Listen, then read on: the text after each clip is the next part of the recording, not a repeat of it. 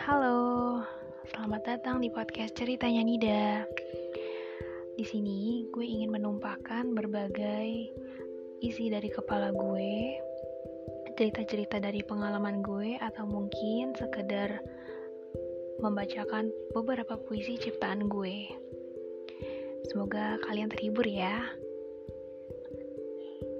Bye.